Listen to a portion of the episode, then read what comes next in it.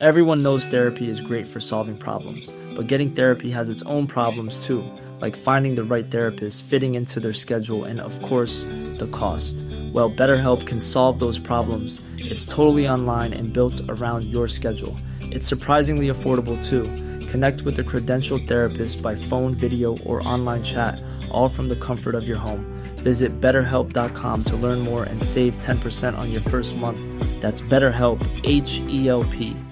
This is Paige, the co-host of Giggly Squad, and I want to tell you about a company that I've been loving, Olive and June. Olive and June gives you everything that you need for a salon quality manicure in one box. And if you break it down, it really comes out to $2 a manicure, which is absolutely insane. It's also so easy to get salon worthy nails at home with Olive and June. The difference between how your nails used to look when you did them yourself and now with the Manny system is a complete game changer. The best thing about Olive and June too is it's a quick dry. Dries in about 1 minute, lasts for 5 days and full coverage in up to 1 to 2 coats. Visit oliveandjune.com slash perfectmanny20 for 20% off your first system. That's oliveandjune.com slash perfectmanny20 for 20% off your first system. Since 2013, Bombas has donated over 100 million socks, underwear, and t shirts to those facing homelessness. If we counted those on air, this ad would last over 1,157 days. But if we counted the time it takes to make a donation possible, it would take just a few clicks. Because every time you make a purchase, Bombas donates an item to someone who needs it.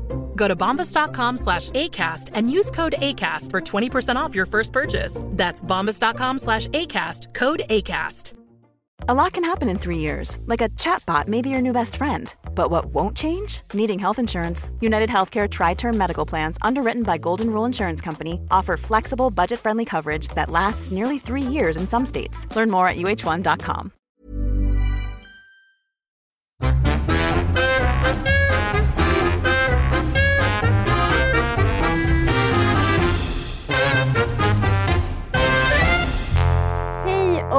välkomna till Inte din morsa med mig, Sanna Lundell och...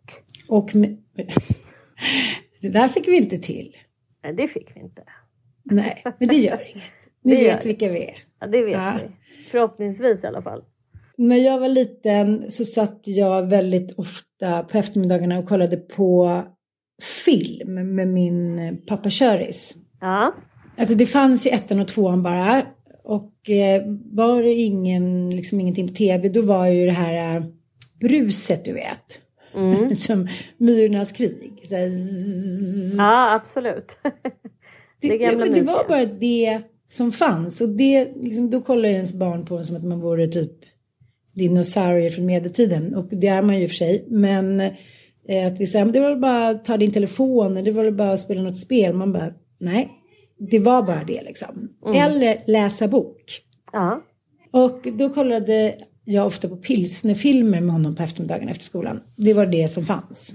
Sickan Andersson, Åsa-Nisse och Klabbarpan. Uh, jag har bott vid landsväg. Alltså riktig så här gubb, gubb-tv, gubbfilmer. mm. Och då kommer jag ihåg en scen som var så, pappa tyckte den var så otroligt rolig och jag med då eftersom jag alltid tyckte det som pappa tyckte. Och då var det Sickan Andersson och någon annan känd liksom, jag kommer inte ihåg vad han heter, men en jättekänd manlig skådis som skulle låtsas då från något radioprogram att de var i Venedig. Mm. Och då stod de inne på toaletten då och hade fyllt upp badkaret så stod de liksom här är då rapporten från Venedig. Du vet allting var lite för snabbt först, förr i tiden. Man trodde att de pratade så men det gjorde de inte. det var ju allting. Eh, och så känner jag lite nu när det är så här. Det är en kycklinggryta i ugnen. Det står rester från en indisk liksom. Eh, ja, det- indisk maträtt som barnen käkat. Den ena skriker, jag vill åka hem till pappa då för du har inte fått igång Xbox. Den andra säger att eh, den ska träna och liksom vill inte hjälpa till med någon teknik överhuvudtaget. Nej men du vet, total kaos. Och då känner jag lite så här att jag skulle bara vilja låtsas att jag är på Mauritius. Mhm, mm. Så kände jag. Ja. Ja. ja, det här med eh, sjuka barn, jag är inte riktigt eh, van vid det. Det, vet du, det säger du alltid. Alltid sjuka. Det är alltid någon jävel som ligger och spyr någonstans. Eller, eller, då. eh, eller du som är sjuk. Jag tror bara att det är att du har en känsla av att du inte är sjuk fast du är sjuk. För det är du ofta så nej men det är ingen fara, jag kommer in och så jobbar du fast du är jättesjuk liksom. Och att du tänker lite så med dina barn också, att så här, de är inte Ja, sjuka, kanske de bara kräktes lite. Så. De är bara döende. Jag, jag tror att de är lika sjuka som alla andra, ungefär typ en förkylning på hösten och, och en på vintern och en på våren typ. Fast nu är det typ tredje gången jag vabbar på två veckor. Alltså, det är väl ganska mycket. Men jag minns ju också att Bobo hade någon sån här helt galen, när han hade penicillinkurer hela våren var det ju bara hela tiden med hans öra och in och ut i olika... Du bara, nej de är aldrig sjuka. och Dantes tå, nej Ilons tå, Nej, okej, okej. olika operationer och så här. Ja, Nej, det, ja, det, ja, de det, har är mycket. det, det är som att du har Ja. varit ett konstant liksom, vabb. Fast du, har- du har ju en exceptionell förmåga att tänka bortanför sånt. Ja, det blir, hem, det blir hemmapodd idag på grund av obvious reasons helt enkelt. Och eh, själv har jag haft en så här, alltså jag har haft en sån papphammarmorgon. Jag la mig så här som att man har gjort liksom någon typ av skidlopp. Jag har ju aldrig gjort det, men jag kan tänka mig hur du brukar känna när du har åkt ett Vasalopp. För jag har sprungit ett lopp med olika hästar som eh, har rymt och hundjävel som har rymt. Alltså ibland är det som att så här, igår var det nymåne i Jungfrun och, och Sofia, min, våran kompis, hon, hon hade en liten releasefest för sin bok som hon har skrivit med Fredrik Söderholm som heter Sorry allt gick åt helvete förstås. Och eh, då var jag där och då påminde hon om det för hon är väldigt mycket inne på månens olika cykler och liksom vad det kan tänkas innebära. Så sa hon så här, ja ah, nu går vi in i nymåne Jungfrun och det är liksom inget, ah, jag gillar inte riktigt Jungfruns tecken. Så här, det, är, ah, det är speciellt alltså. Och jag känner bara så här, ja ah, det här var den nymånen. den här morgonen, alltså helvete. Alla liksom, det har varit ganska symboliskt tycker jag när man har djur som så vill rymma. Alltså det, man känner sig aldrig så oälskad som då. eh, jag är liksom helt ovan vid det för att mina hundar går lösa väldigt mycket och, och vill inte så gärna rymma. Och hästarna är ju också väldigt liksom icke rymningsbenägna. Men idag är det tre individer som har bara rymt helt så här och också är så här can't, you, you can't touch me. Att de inte vill bli I don't love you, liksom mommy. I don't love you. Jag drar nu. Det är inget roligt. Alltså, You never loved me, vill- so now I'm leaving. Jag ligger här och funderar över varför jag har sån risig attraktionskraft på dem, eh, på dem idag. Eh, och eh, försöker bara släppa den här Eh, jävligt jobbiga förmiddagen. Eh, nu är alla på plats, alla är infångade och alla är liksom eh, bakom lås och bom höll jag på att säga. Men det är de. Men, men jag är lite slut. Nej men det här tycker jag är så spännande. Det här får du faktiskt berätta lite om. För att jag som sitter här nu och eh, inser att jag inte ens ska ha guldfiskar för att jag inte, jag inte kan hålla dem vid liv. Berätta hur det här gick till. Liksom, vem rymmer och i vilken ordning och hur rymmer de och vart tar de vägen och vilka hjälper till? Jag, jag tycker på riktigt att det här är riktigt spännande. Nej, men med hundarna så är det ju bara för att de har fått tillbaka sina bollar. Alltså våra hundar är ju kemiskt kastrerade och det här är ju ganska spännande om vi tänker motsvarigheten till män. Att vi, att vi tänker att det inte är någon skillnad på män och kvinnor och liksom eh, att hormonerna inte gör så jävla mycket. Men så fort man stoppar in en antagonist till testosteron i våra pojkhundar då då försvinner ju absolut inte personligheten. De är liksom precis sig själva. Men de är så mycket mindre stressade. De blir, får så mycket mindre muskler.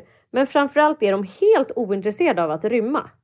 De Ja, det är som bara... män som kommer som är över 40. De är också helt ointresserade av att rymma. Ja, fast jag, jag frågade även min eh, kära Sofia så här. Hon hade en tjejhund. Jag bara, rymde hon då när hon löpte? Ja, gud ja. Hela, hela min barndom gick ut på att liksom leta efter lajka. För så fort hon liksom löpte så bara smet hon ut genom fönster och ut i liksom så här Älvsjös olika hanhundar som ett luder. Du vet, som Låter som jag. springer runt. så här. 14-årsåldern. Ja, men, jag skulle men rymma till liksom, det är nog, har nog inte bara med pojkhundar utan det är könsdriften gör ju att det enda man vill är att mejta liksom. Så bollarna är tillbaka på hundarna, eller en utav hundarna. Den andra är ju över 40, han är nio år gammal så hans bollar tillverkar liksom inte tillräckligt med testo så han är hemma ändå. Han orkar inte springa iväg. Men den här extremt virila treåriga hunden, alltså han är så jävla kåt så att han skulle kunna han skulle kunna liksom gräva ett hål genom tegelgolvet och dra. Och det är typ det han gör. Alltså han, han står och skriker, han ylar på nätterna för att någon eh, ska höra honom och svara an på hans enorma liksom, eh, libido. Och eh, sen kan man, det räcker med att man öppnar en glänt, alltså barnen går ut och ska spela lite fotboll. Den, då är han tre kilometer hemifrån inom loppet av tre minuter. Med superståndet Södlund typ? Ja, och här ute på landet har vi då olika Facebookgrupper. Vi som bor i norra Sorunda, vi som bor i Sorunda. Så här. Och då får man direkt gå ut i en sån grupp för att tänka vad fan har han tagit vägen nu? Och mycket riktigt ligger det då ett mugshot som är publicerat. Där han sitter i någon bil på något förnedrande sätt. Eller där är någon människa som har lyckats fånga in honom och så här. Får man åka och hämta honom och det är ju härligt med livet på landet för att folk har ganska stort överseende med sånt här. Alltså folk har ju hundar som ändå får liksom kanske springa löst på tomten och, och, och kanske springer efter ett rådjur och sådär. De är inte de, rädda de är väldigt... Tänk om liksom någon av dina bigga hanhundar skulle springa in i stan. Folk skulle skita på sig. Det skulle vara rikslarm. Nej men det skulle ju bli så här poliseskort inom och man skulle bli så här lynchad och så här. Nej men de de är faktiskt väldigt eh, snälla de här människorna som har överseende. Men nu har han fått ett nytt chip och eh, nu hoppas vi att det här kommer kicka in snabbt. Spännande. Så det var, det var hunden. Han har liksom blivit hämtad två eh, gånger idag på två olika ställen. Och Nej. Sen, jo, jo alltså det är, Jag tycker det är så roligt älskling. Det är så ja, roligt. Det är så, så jävla, det är mycket så här skamkänslor. Det är också jobbigt eftersom han är så jävla smart den här hunden så att han öppnar ju dörrar. Så man kan, det räcker, folk är såhär, men gud du måste ju ha honom inomhus. Jo, jag har honom inomhus men han öppnar ju liksom dörrar. Han öppnar balkongdörrar, han öppnar liksom så här, du vet en hasp så här, som man trycker in. Man tänker att det kan ju fan inte ens en treårig barn öppna, men han öppnar sådana saker liksom. Han är liksom en smart Scooby-Doo. Ja, det är som att ha en sån här apa typ som håller på. Ja, men det har jag gjort och sen skulle vi då ha alla mina hästar till hovslagaren idag. Då ska ju de plockas upp från en sommarhage. Och då tar man ju ut dem i olika omgångar. Det är inte mer dramatiskt än så. Och så får de ju inte vara med varandra då, för då ska man liksom plocka upp två hästar och då står de andra och skriker och då var det liksom en utav dem som då, när jag plockade ut två hästar så sprang den tredje ut, för den ville följa med. Men gud, du har liksom små, små barn hela tiden. Alltså de, de är ju ändå som ganska vuxna individer tycker jag, mina hästar, för de kan man liksom nästan prata med som att det är faktiskt vuxna människor. Men så där kan du inte göra. Nej, ni ska stanna där nu. Så här. Men när det är hästar som är, är, små, vilket jag ju också har. Jag har ju liksom en häst som är en bebis. Mm. Den fattar ju alltså noll procent. Den är ju bara så här. Nej men jag sticker dit. Det är som att ha att göra med en yr höna verkligen. Som är så här, jag hoppar in här och, och sen hade, har jag ju en treårig häst också. De vill ju vara med sin mamma hela tiden. Båda hennes barn vill ju vara med sin mor. Så den andra hästrym, den första hästrymningen var ju bara en häst som skulle följa med och då fick väl den göra det då. Det var ju inte mer dramatiskt än så. Men den andra hästrymningen, då var jag när jag hämtade hunden. Då ringer de och bara Hej! Du, det är en häst lös här den är nog din. Jag bara, nej men alltså, nu orkar inte jag mer. Då var det den treåriga dottern till mammahästen då som hade hoppat över ett staket. Äh, hon, hade inte, hon hade tryckt sönder ett stort trästaket och bara gått rakt ut och sen hade hon passat på, liksom, vi har ju så automatiska grindar så att de inte ska kunna gå ut. Nej, men då var det ju såklart någon människa som hade åkt ut där då och då hade hon sprungit ut så hon stod liksom ute på ett ställe som var väldigt så här, inte så bra ställe att stå på. Ja, jag fattar. Det här är roligt. Det här är så roligt att se i sitt huvud. Ja, men det mm. kanske är. Jag vet inte. Jag, jag tänker så här att men jag, jag har ganska som sagt, det här händer ju väldigt, väldigt sällan eftersom de har såna här kastrationschip och, och hästarna brukar ju aldrig hålla på så här faktiskt. Det är inte en vanlig dag i mitt liv. Det är en, en ovanlig dag och det är därför jag ligger här helt faktiskt exhausted. För jag kanske har gått 30 000 steg på förmiddagen. Och sprungit har jag gjort, alltså sprungit mig svettig, du vet. Jag har gråtit två gånger, inte för att jag har varit orolig över dem, utan för att du vet när man är arg. Ja. Som man kan bli för sina barn. Man bara, ja, ni lyssnar inte på mig. Jag orkar inte mamma med. Typ. Nej, nej, jag fattar precis. Så att jag är lite så här, som att jag har blivit eh, manglad av en ångvält typ. Men alla hästar är nu skodda och eh, hundjäkeln sitter inne bakom lås och bom och ja, nu, nu är vi liksom, nu har vi rott det här skiten i hamn så att säga.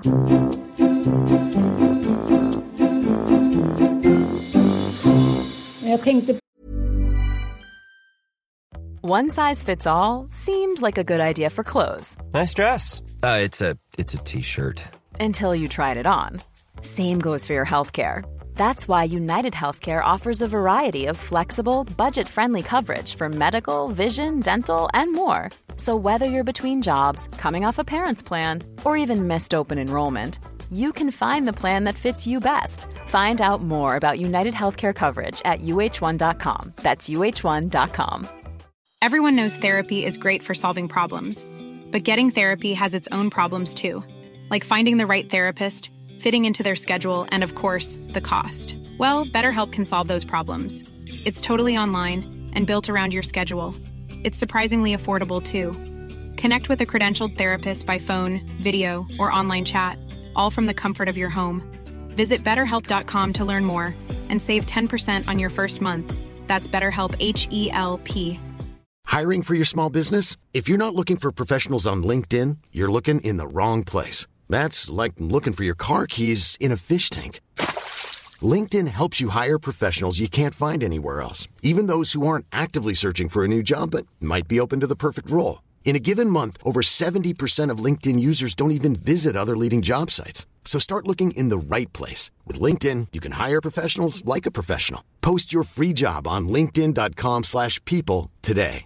Many of us have those stubborn pounds that seem impossible to lose, no matter how good we eat or how hard we work out. My solution is PlushCare. PlushCare is a leading telehealth provider with doctors who are there for you day and night to partner with you in your weight loss journey. They can prescribe FDA-approved weight loss medications like Wagovi and Zepbound for those who qualify. Plus, they accept most insurance plans. To get started, visit plushcare.com slash weight loss. That's plushcare.com slash weight loss. På, eh, jag läste en undersökning som precis kom att barn har aldrig sovit så lite som de gör nu. Aha, vad obehagligt. Riktigt obehagligt tycker jag. Och 25 procent av alla tioåringar vaknar och tittar på sin mobiltelefon. Och eh, man är så uppe i varv och man har tillgång till de här liksom elektriska gearsen hela tiden så att man kommer inte ner i varv och eh, historiskt sett så sover barn så lite nu och som de aldrig har gjort. Och jag tänker också såklart att det påverkar ju psykisk hälsa, eh, hur man orkar, hur man äter.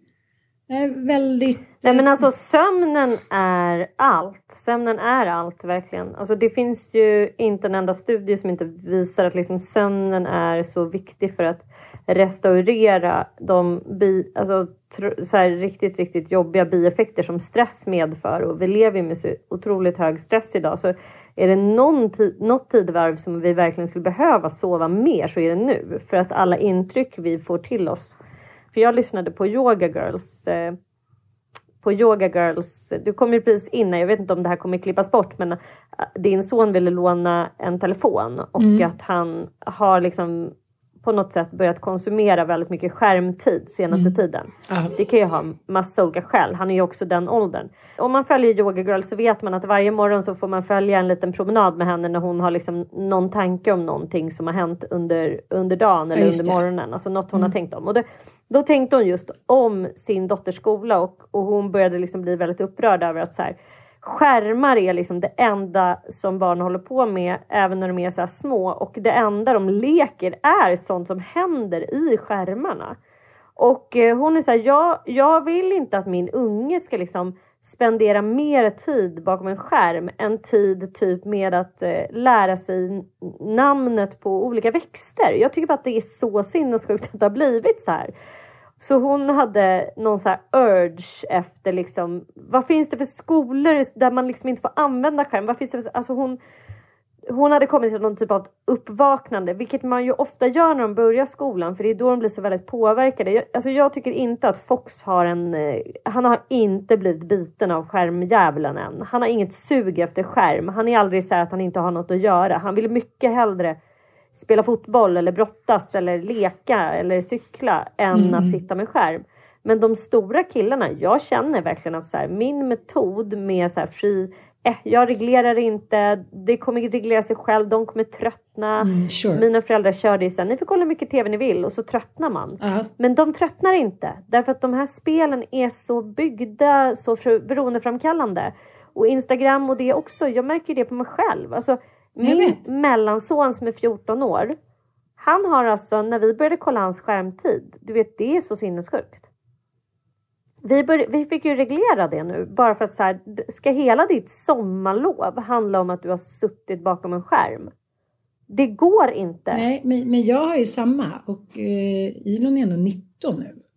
Jag vet och sen är det så här, jag har sagt liksom, gör man produktiva saker bakom sin skärm? För det är svårt med min äldsta son som redigerar videos och han kan ju sitta i flera timmar och hålla på och redigera saker. Det kan jag liksom så här, det vill inte jag hindra honom ifrån för det är en kreativ, då använder man ju sin dator till liksom ett, som ett konstnärligt verktyg. Men det här att konsumera spel, att bara så här, hålla på med det här adrenalinjunkie, liksom våldsspel, att springa runt och jaga saker. Alltså det är ju så jäkla... Jag kan liksom inte se vitsen. Och så kan man säga så här, ja men de umgås med varandra. Nej, ja, men nej, vad är det för umgänge egentligen när man springer runt och bara skjuter på varandra och skriker? Alltså så här, och så rör man ju inte kropparna heller utan det enda man gör är att sitta på en stol och skriker i stort sett. Alltså det är den fysiska aktivitet ja, man och gör. Hetsa och varandra, och hetsa varandra och skriker och hör ja. inte att de skriker. Det går liksom till sån gräns att jag bara känner så här, det där är sinnessjukt. Han skriker som att han är ute på ett krigsfält i Ukraina och precis ska gå loss. Och inte i modern tid utan typ så här, ja men The Ancient Room, typ. Där det var så här, ja, jag vet. tutar i en liten liksom, pipa eller så här, buh, en liten träbit. Så bara, och så ja. springer alla och sen är det två kvar. Man bara, okej, vad hände? 400 är döda, så här, okej, vi dricker mjöd. Det är liksom, det är den stämningen. Och så är det någonting som ja, och att det är väldigt lite andra grejer som är attraktivt. Att så här, man kommer hem, jag kan känna det med de stora, att så här, Ja, de kommer ner när de är hungriga. Det är, det är den lilla, mm. lilla detaljen som gör att de kan slita sig från... Mm. Men i övrigt så är de ju helt ointresserade av allting annat. Inklusive att så här, gå ut och spela lite fotboll. Eller, alltså det har ju de helt Men tjejer med. också. Jag tycker så här, när, när ska de liksom dejta tjejer? När ska de lära känna dem? När ska de umgås? När ska liksom framtidens samhälle. Unga killar är så mycket bättre än förra generationen. På vilket sätt? De har ju inte sett en tjej i hela sitt liv. De sitter liksom framför något krigsspel och tar... De är ja, men det är så liksom... det är så sju miljarder incels där ute. Liksom, nej, vi förstår inte vidden av detta. Nej. Jag ser Nej, jag det, vi alls... framför mig älskling. Så här, en tjej som är så på gång, hon vill baka, hon vill göra det, hon vill gå ut, hon vill gå på bio, hon vill käka middag. Och så sitter det liksom någon krigsbit som nu också rakat av såret och bara så här, och liksom helt ointresserad av henne tills hon typ, hej då nu går jag, då bara liksom, Grottbjörnens folk framstår som så Einsteins geni. ja. Nej, men Nej, det är liksom jag vet. helt... Ja. Och en annan aspekt av det som jag tänkte på igår. Jag tänker så här, mina föräldrar från vi gick på högstadiet, dels drog de till landet, eh, liksom i Småland på helgerna, så där, man var kvar själv. Och dels när de var hemma så var man ju själv borta. Alltså man sov hos killar, mm. man sov hos kompisar, man tågluffade, man var borta på helgen hos någon kompis de liksom, man var borta varenda kväll. Det var inte så att de satt där tillsammans med oss och bara okej okay, hejsan svejsan. Är det någon som är klar i duschen? Och det här är ju liksom, jag fattar att det är mer okej okay för er som bor superstort. Men nu när jag inte gör det. Det är så här, jaha, man kunde lika gärna bo i en skolåda och bara ligga på varandra och typ äta liksom fisk. Små mackelfiskar. Nej men det är så här, jag har inget privatliv liksom. För att alla är alltid hemma. För att de, de spelar det är samma här. Vi stod alltså, i första C liksom och rökte braj typ och eh, liksom snodde bilar. Ja men det var ju verkligen så. Det var så man stod och hängde i första C. Kanske åkte man in till T-centrum ja, typ. Men man var inte hemma. Är... Det, liksom, det, var döden, nej, det var öken. Nej, man ville inte vara liksom och sitta i den här konventionella föräldramiljön. Alltså det kanske man kunde göra någon gång då och då, ett besök. Men i övrigt så hade man ju någon typ av ganska egen värld där man ville hellre vara. Man föredrog det. Och ja. sen, jag menar jag älskar att de är hemma men grejen är att jag upplever inte heller att de är hemma. Alltså vi som ändå har rum. Det, det är ju som att de inte är hemma. Förutom när de kommer ner. Sen är det bara så här. Jag ska inte säga att det bara, alltså jag ska inte liksom svart, alltså det, Lollo har sin fotboll och det är väldigt tur. Och sen går de på bio, han har kompisar som är liksom intresserade av film och så här, så att de ses och de har mycket sleepovers och så här. Men, och Igor har också så här, att han hänger med kompisar. Men det är ändå för mycket spel. Jag kan ändå tycka att liksom deras barndom i stort sett har gått ganska mycket så här. Alltså jag tycker också att det är tråkigt att de, in, att de föredrar det där framför precis allting annat. Det, och det hänger såklart väldigt mycket ihop med sömnen för att jag tror att när de spelar spel och inte rör sig så blir man inte trött fysiskt. Och det är väldigt, och samtidigt så blir du också väldigt uppvarvad av de här spelen. Det är som all typ av lek som människan går igång på, all typ av alla spel handlar ju om jakt egentligen. Alltså även krigsspel. Det handlar ju om att man ska smyga på andra och attackera och fälla byten. Och det gör att vi producerar jättemycket kortisol och adrenalin, alltså stresshormoner. Alltså, man skulle ju testa att mäta blodtryck och puls på killarna när de spelar. Jag tror inte det är jättebra värden helt enkelt. Det är ingen av dem som spelar något härligt litet meditativt Zelda-spel där man går in i olika dungeons, typ. The dungeons of the sea. jag känner typ. alltså, bara att vi har, nej, men vi har förlorat slaget. Och eh, jag var på en eh, tjejlunch och då eh, berättade hon där i början av sommaren att hennes son ska åka på seglarläger. Och de får med sig telefonerna. Och det här är liksom, det här är en kris. Vi är också hjärntvättade. För vi typ känner skuld när de inte får sitta med sina bästa kompisar, skärmarna. Och eh, de är så här, ja undrar jag, det undrar hur det kommer gå liksom. Han, och han är så här, gud ni måste hålla koll på min telefon nu. Ni måste liksom vakta den så jag inte förlorar massa poäng på Snap. Ja, men, du vet, det var så sjuka grejer.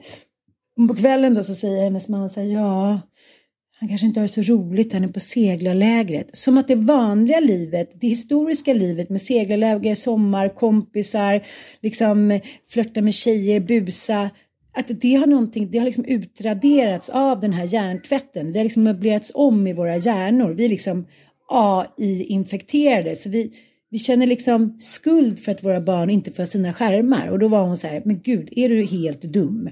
Han sitter där med liksom massa kolloledare, massa kompisar, solen skiner, det är havet, det är skärgården. Nej men gud, stackars mm. honom, har han inte sin Snapchat? Du vet, så, så vi, är liksom, vi är inne där tillsammans och jag tror att så här, vi är så mycket mer sjuka i det här tillsammans än vad vi tror. Och jag tror också att det är därför som relationer, så många som är singlar, det är liksom lättare att så här, ghosta någon för att det vet man ju själv. Ja, ja, gå och träffa någon i verkliga livet. Hångla, fråga hur en mår, kanske laga lite mat, göra lite mysigt. Eller bara sätta sig framför en skärm, en porrfilm eller Instagram. Det är klart att det är en enkel väg ut. Ja, och det erbjuder kanske så liknande endorfinpåslag. Det är det som är obehagligt, att det liksom, du kanske får högre Alltså du får högre dopaminpåslag av din scrolltid än du får av att faktiskt sitta och prata med den, någon du tycker om. Aha. Och jag märker det på mig själv att jag är så här, nej nu har jag pratat så länge, nu måste jag få scrolla lite. Aha. Alltså så här, att jag måste få gå in och så här relaxa. Nej, man tror att det är att relaxa men det är så här, nej jag måste få gå in och så här dopamina där lite grann. Ja. Alltså, jag måste in och småpunda lite in i, i mm. Instagram. Alltså, Mattias, nej, du har inte jag, tittat är... på mig på typ två år. Jag bara, nej. Nej, nej men det ligger ju... Och så jag kan lura mig själv också eftersom vi jobbar med det här och att man hela tiden måste lägga ut massa inlägg och det är jätteviktigt att lägga upp podden här nu. Vi måste sprida det, jag måste hålla kontot levande och så här. Men alltså snälla, det är ju kanske 20 minuters jobb om dagen. De här andra sex timmarna jag har i skärmtid, inte fan gör jag någonting vettigt. utan det är dumskrollning. Mm. Så att jag har bestämt mig för att min nästa challenge efter alkoholen, Mm. alltså För nu ska det suppas. bli- Nu ska det suppas. jag ska minimera min skärmtid. Jag Okej, får Utmana inte mig då tack. Jag vill inte, alltså jag kommer inte tillåta mig själv att eh, konsumera skärmtid. Om jag ska vara där ute så ska det bara produceras. Och Jag tror att det sättet, det enda sättet för mig, det är att ge mig själv liksom så här, den, en, jag måste schemalägga det. Du får gå ut mellan 11 och 12 på förmiddagen och det är då alla dina inlägg och dina grejer ska ut. Punkt. Och sen får jag bara svara i telefon och sm- smsa. Alltså jag tycker det är okej att ha två timmars skärmtid. En, en timme på förmiddagen och en timme på eftermiddagen. Men kvällar, eh, alltså nej. Att sitta så här, ligga och slentrian-scrolla på kvällskvisten. Så här, vad händer med att läsa en bok? Vad händer med att titta på en serie? När man till och med kollar på en serie, du vet jag är så borta i huvudet så att när jag sitter och kollar på Robinson med barnen, då, måste, då bara tar jag upp telefonen när det blir lite tråkigt. Och så har jag aldrig varit. Det är liksom... Nej, jag vet. Nej, men vet, det, du, vet du vad det jag är gör? skärmen som har sabbat hjärnan på en. Jag spolar fram. När jag inte tycker att det är tillräckligt på gång, då spolar jag lite tills det Ja. kommer igång igen. Så att så här, precis som jag gör när jag läser böcker, då kan jag ju liksom, ah, ja men. Hoppa över några Ja men halvläsa, jag kan ju liksom läsa på mitt speciella sätt, man bara läser i mitten, du vet. Och då, är det så här, då funkar ju det. Men, men att jag använder samma teknik när jag kollar nu på tv-serier. Jag tycker inte, an- ingenting, vet du så konstigt? Ingenting ger mig någonting för tillfället. Jag försökte kolla på en tv-serie igår. Jag ligger där i typ en timme och försöker hitta något jag gillar. Och sen så bara slutar jag titta. Försöker läsa en bok.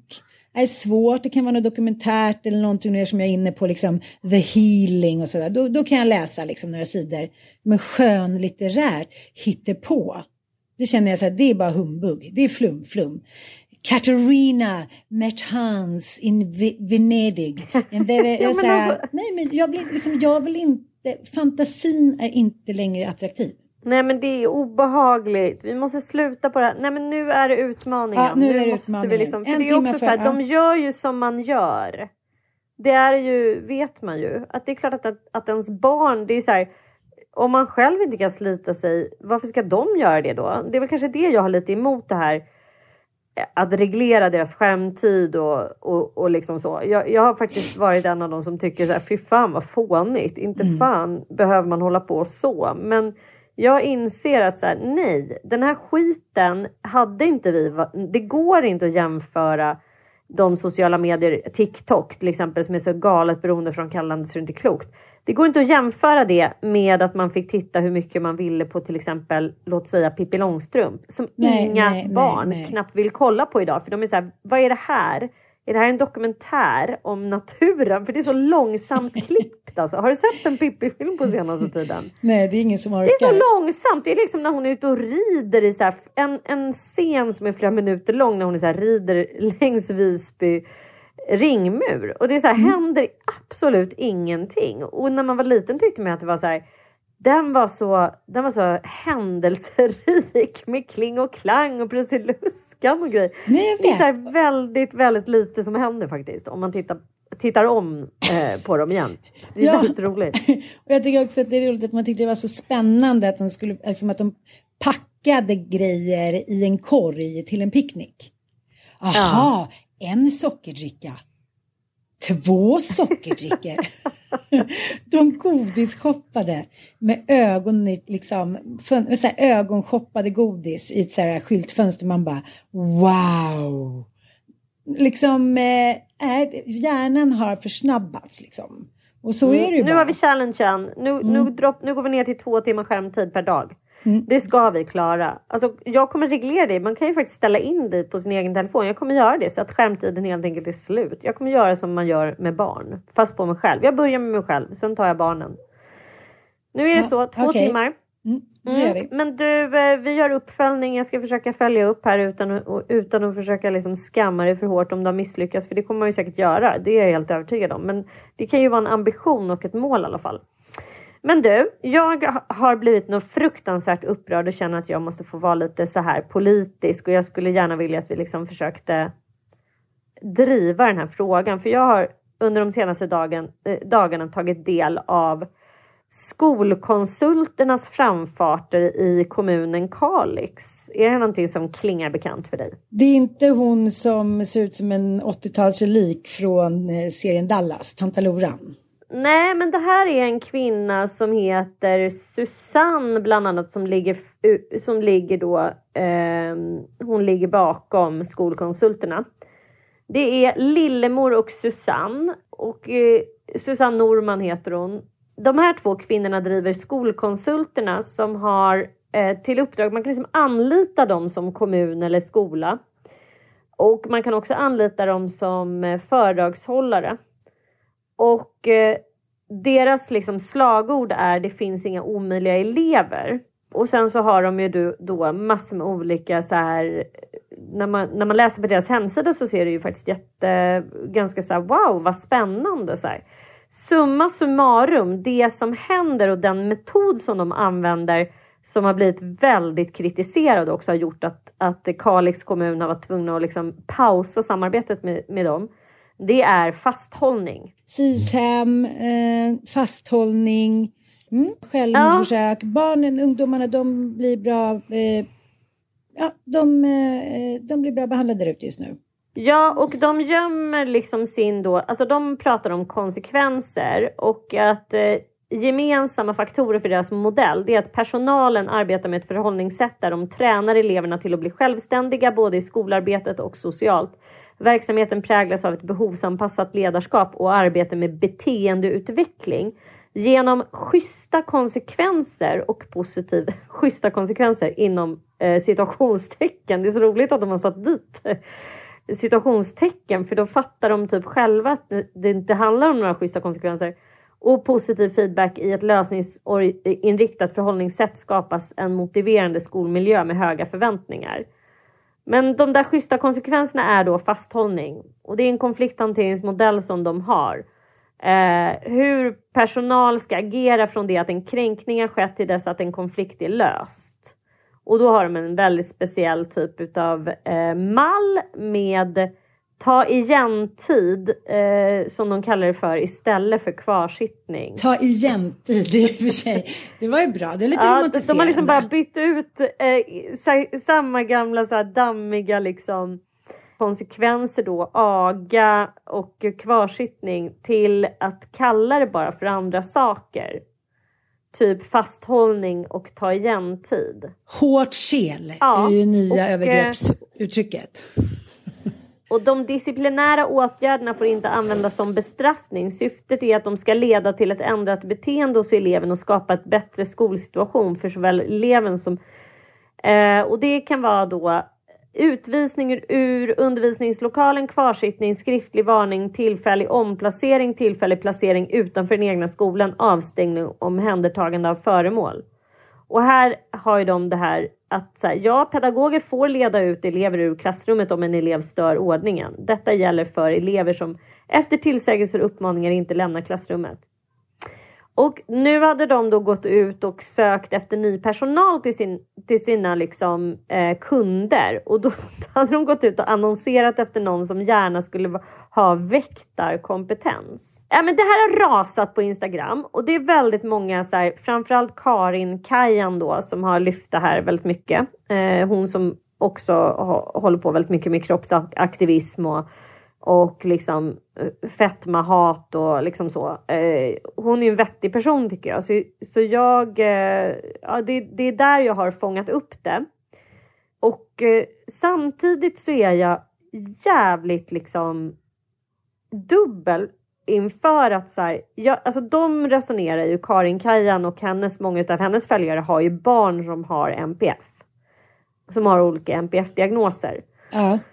Och de resonerar ju som att det är liksom det mest kränkande man kan vara med om att bli fasthållen eller utledd och den enda metoden som borde få användas är lågaffektivt bemötande och det finns också studier som visar att det är den enda metoden som fungerar.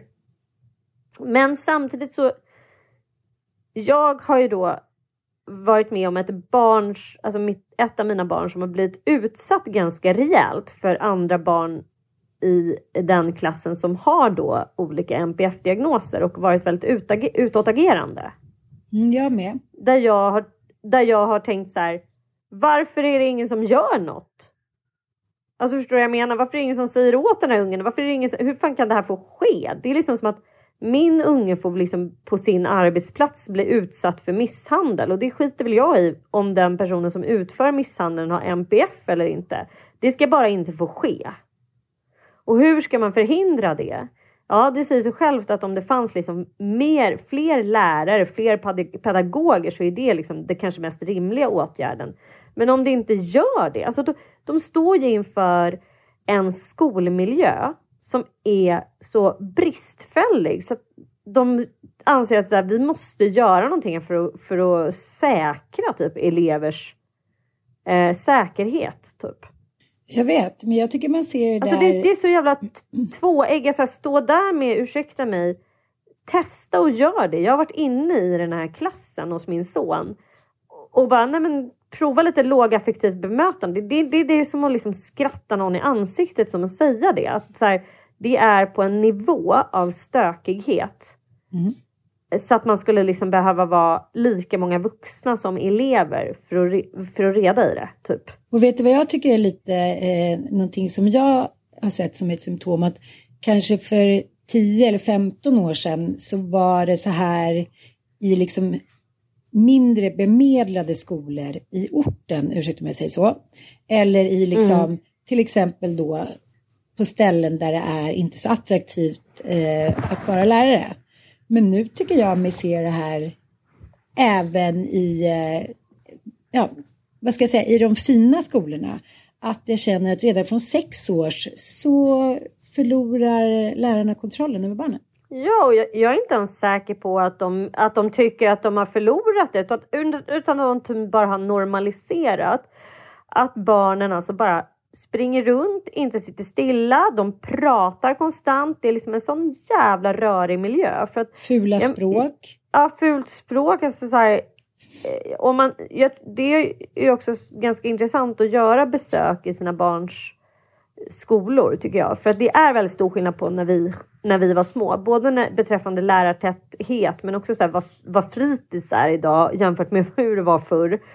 Och också naturligtvis liksom att man har helt andra idéer om pedagogik. Jag tycker att man har en mycket högre acceptans för prat och runtspringning som jag bara så här, va? Om vi hade betett oss så här, då hade vi liksom, man hade fått hem, alltså ringa hem föräldrar och sånt. Alltså, nej, jag, jag, jag vet inte, hur fasen ska vi göra då? Va, vad behöver man för att lösa skolan? Eh, och som sagt, jag tror inte att det här handlar om att det är ett gäng MPF-ungar som förstör ordningen. Det handlar inte om det. Det handlar om att barn generellt, alltså vi ställer inte krav på barn som man gjorde förr i tiden. Nej, men jag tycker också att allting hör ju samman. Jag läste en intressant krönika för några år sedan där eh, krönikören skrev att han hade varit på en middag och eh, dels så, så värdparet gick och kollade sina telefoner men alla barnen eh, pausades då så att det kunde krökas och ätas med skärmar. Och sitter i mitt gamla fotoalbum nu där det är så här, vad kan jag vara, fem, sex år. Det är jag, min syrra och några andra barn och vi är utklädda till, eh, det kallas indianer då, eh, så därför säger jag det, native americans. Vi sprang omkring, vi var nere vid sjön, vi hade gjort såna här små träbössor, mamma och pappa och liksom deras kompisar jag säger inte att det var bra att de satt där och rökte och drack vin och liksom hade någon kräftskiva.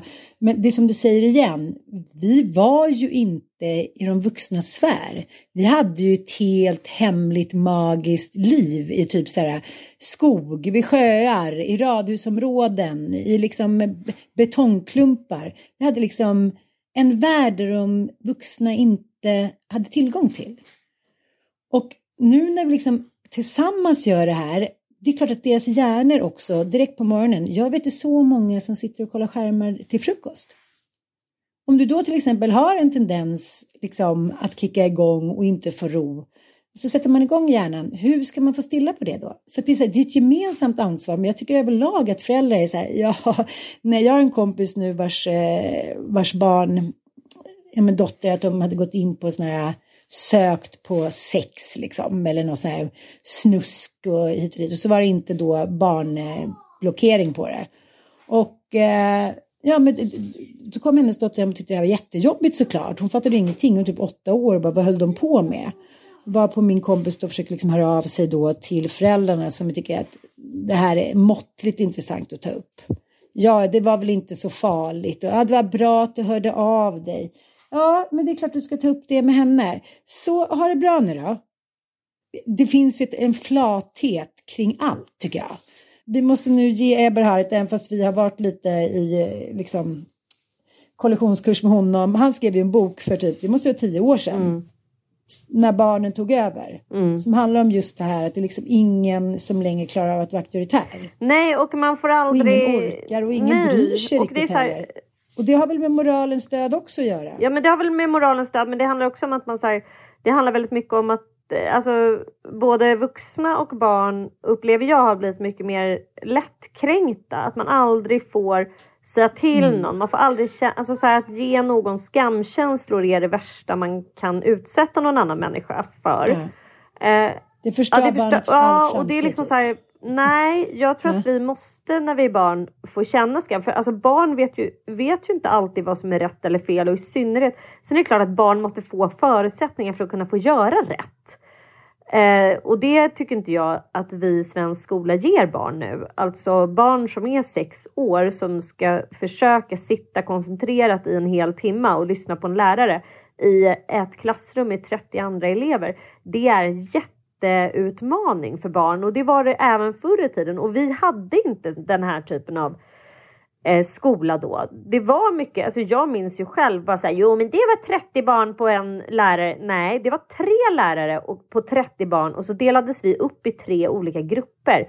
Så gick vi in i grupprum och så gick man de andra in, fick in och träna skrivstil. Det var alltid uppdelat så att man var 10 barn med en vuxen ungefär.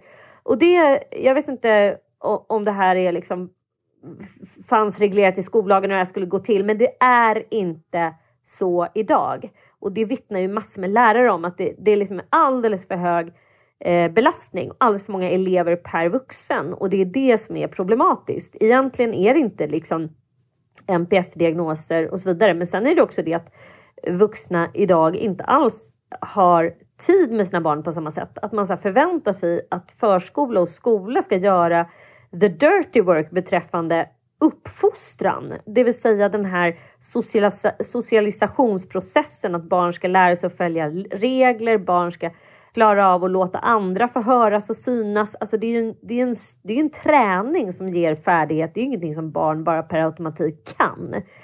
Och det eh, påstås då vara en av förklaringarna till att barn idag de är mycket mer ofärdiga i i social, när det gäller socialisering när de börjar skolan än vad de var förr i tiden.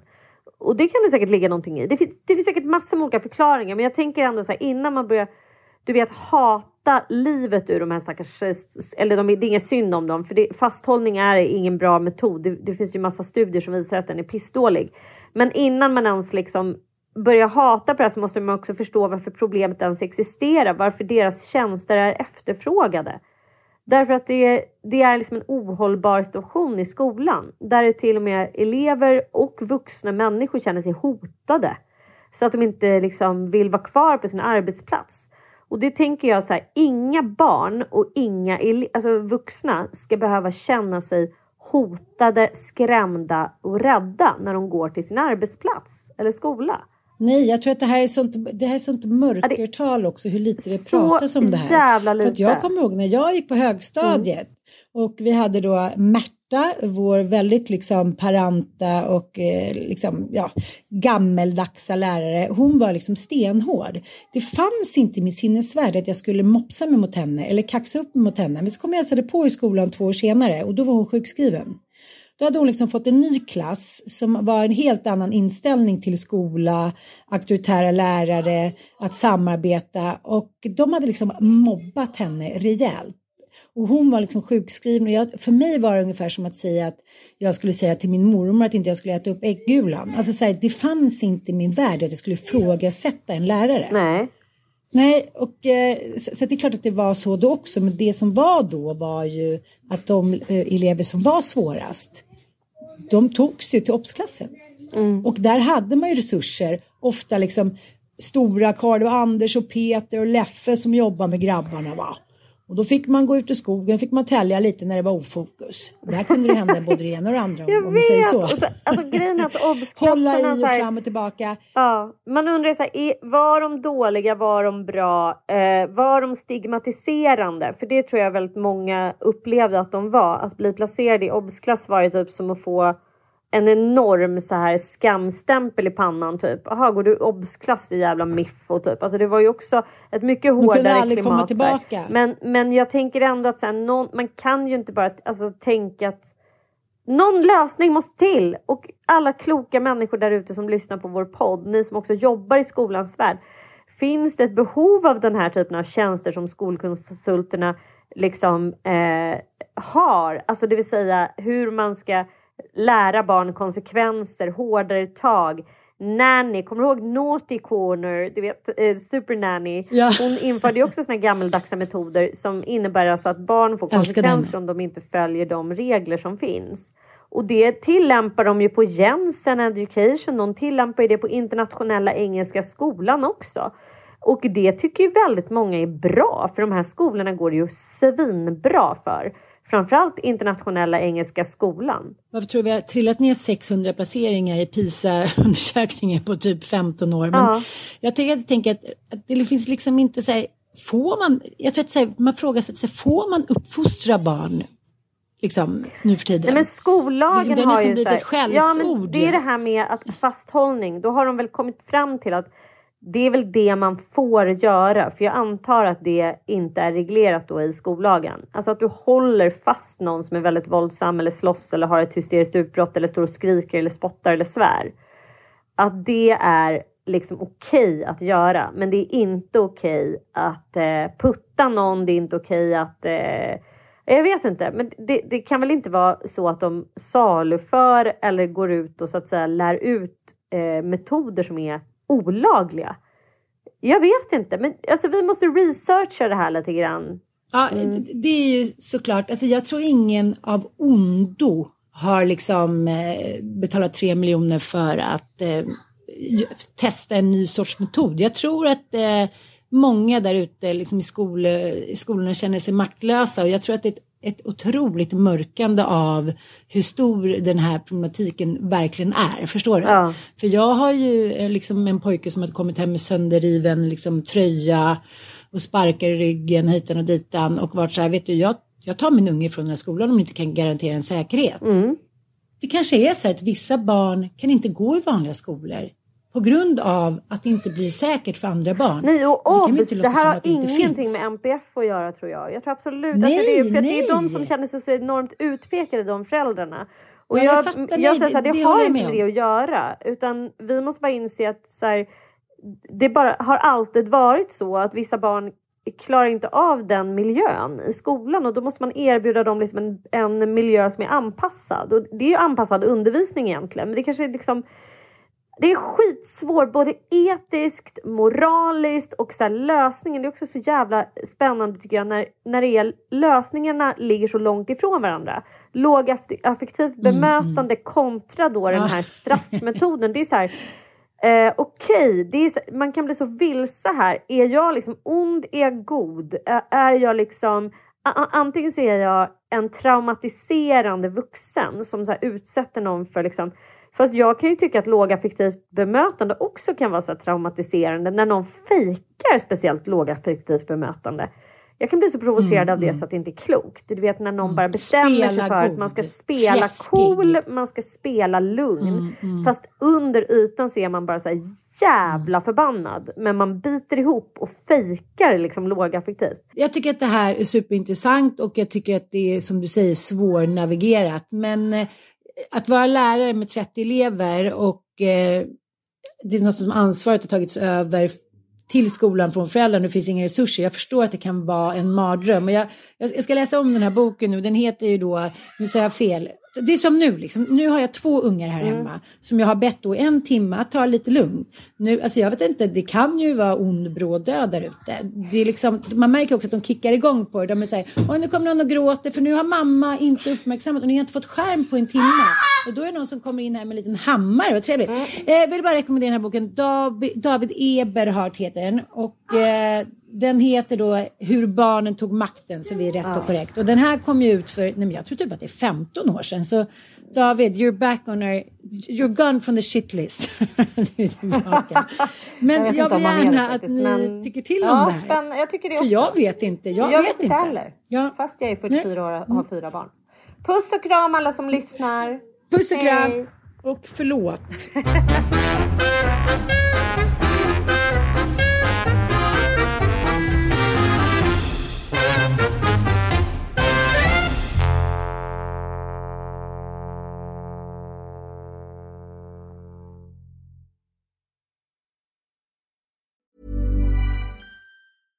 Imagine the softest sheets you've ever felt. Now imagine them getting even softer over time. That's what you'll feel with Bowl and Branch's organic cotton sheets. In a recent customer survey, 96% replied that Bowl and Branch sheets get softer with every wash. Start getting your best night's sleep in these sheets that get softer and softer for years to come. Try their sheets with a 30-night guarantee. Plus, get 15% off your first order at bowlandbranch.com. Code BUTTERY. Exclusions apply. See site for details.